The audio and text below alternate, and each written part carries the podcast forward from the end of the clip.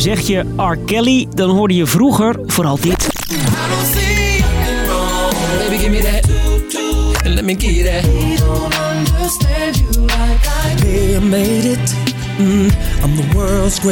Baby, Maar inmiddels hoor je deze muziek op feestjes of op de radio een stuk minder, want... Today marks a watershed moment in the 25 years of abuse by this predator known as R. Kelly. De zanger werd twee jaar geleden opgepakt voor onder meer seksueel misbruik en het maken van kinderporno. We start off with singer R. Kelly, who is back in custody, this time facing federal sex crimes charges. Ik ben Marco en ik vertel je waar R. Kelly allemaal van wordt verdacht en waarom een rechtszaak tegen hem nu pas begint.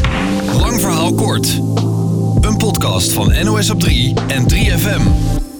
Robert Sylvester Kelly werd 8 januari 1967 geboren in Chicago en noemt zichzelf de King of R&B. Zijn carrière begon begin jaren 90, toen nog met de groep Public Announcement.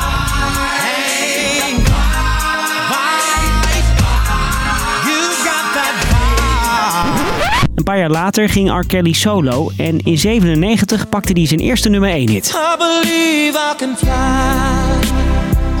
R. Kelly verkocht wereldwijd meer dan 75 miljoen platen en is daarmee een van de meest succesvolle Amerikaanse artiesten.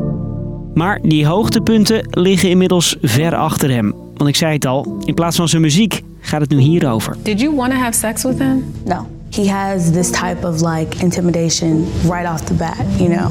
So I was just waiting for it to be over. We hoorden hier een van de vrouwen die zegt dat ze door R. Kelly is misbruikt. En de lijst van beschuldigingen is inmiddels lang, vertelt correspondent Marieke de Vries. Centraal staat het seksueel misbruiken en mishandelen van vijf jonge vrouwen. En ja, de aanklacht komt erop neer dat eh, Kelly leiding gaf aan zijn kring van managers en bodyguards.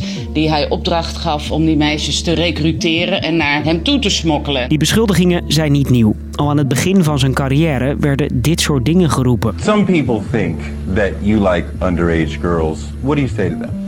Well, those people that don't know Robert, they don't know me. In 1994 zou R. Kelly stiekem getrouwd zijn met zangeres Alia. Zij was toen 15, hij 27. You tried to hide that at some point, that you didn't get married, but you No. did, right?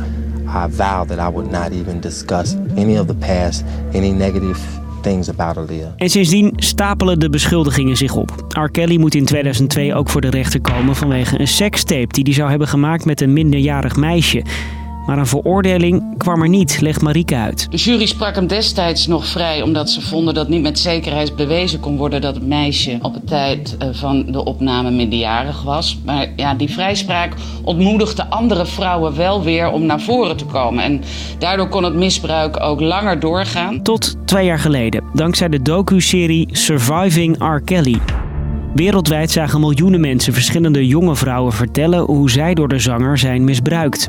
You had to pretty much agree to it, no matter how demeaning it felt. I just wanted to know that it's not, you know, you're not alone. Na deze docu riepen advocaten alle slachtoffers op om zich te laten horen, om zo opnieuw een aanklacht tegen de zanger in te dienen. En sindsdien blijven er verhalen naar buiten komen van slachtoffers. Bijvoorbeeld van zijn ex-vrouw. People have no idea of the bruises I'm hiding. En R. Kelly zelf, die ontkent alles. I didn't do this stuff. This is not me. Y'all killing me with this. 30 years of my career. You're killing me, man. This is not about music. Inmiddels zit R. Kelly dus al twee jaar vast. En nu is ook de rechtszaak tegen hem begonnen. Ja, de 54-jarige Robert Sylvester Kelly verscheen eh, gisteren in de rechtbank. Zijn hoofd dit keer geschoren en gekleed in een nieuw blauw pak, want hij was wat dikker geworden in de gevangenis. Dat de rechtszaak nu pas begint, komt mede door corona. Daardoor werd de boel meerdere keren uitgesteld. Maar wat de zaak ook lastig maakt, is de keuze van de jury. In Amerika werkt een rechtszaak met een jury van 12 personen... die unaniem moeten bepalen of iemand schuldig is of niet. Ja, op deze eerste dag werd er een begin gemaakt met de selectie van de juryleden. Hè. Die moesten van tevoren een vragenlijst invullen om te kijken of ze niet partijdig zijn. En die vragenlijst bestaat uit 22 pagina's met allerlei vragen. Hoe ze denken over R. Kelly en zijn muziek...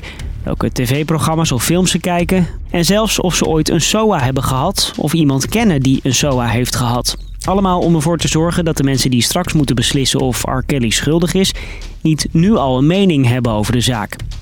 Zowel de advocaten van de aanklagers als die van R. Kelly moeten het eens zijn over de gekozen juryleden en er vertrouwen in hebben dat de zaak dus eerlijk verloopt. Pas als de juryleden zijn gekozen, kan de rechtszaak echt beginnen. Dus, lang verhaal kort. R. Kelly wordt al bijna zijn hele carrière verdacht van seksueel misbruik en seks met minderjarigen. Sinds de docu Surviving R. Kelly, twee jaar geleden, zijn er opnieuw meerdere beschuldigingen naar buiten gekomen en is de zanger opgepakt. Deze week is begonnen met het uitzoeken van juryleden voor de rechtszaak. Dat is pas het begin. De hele zaak gaat waarschijnlijk nog wel even duren. Dat was hem weer voor nu.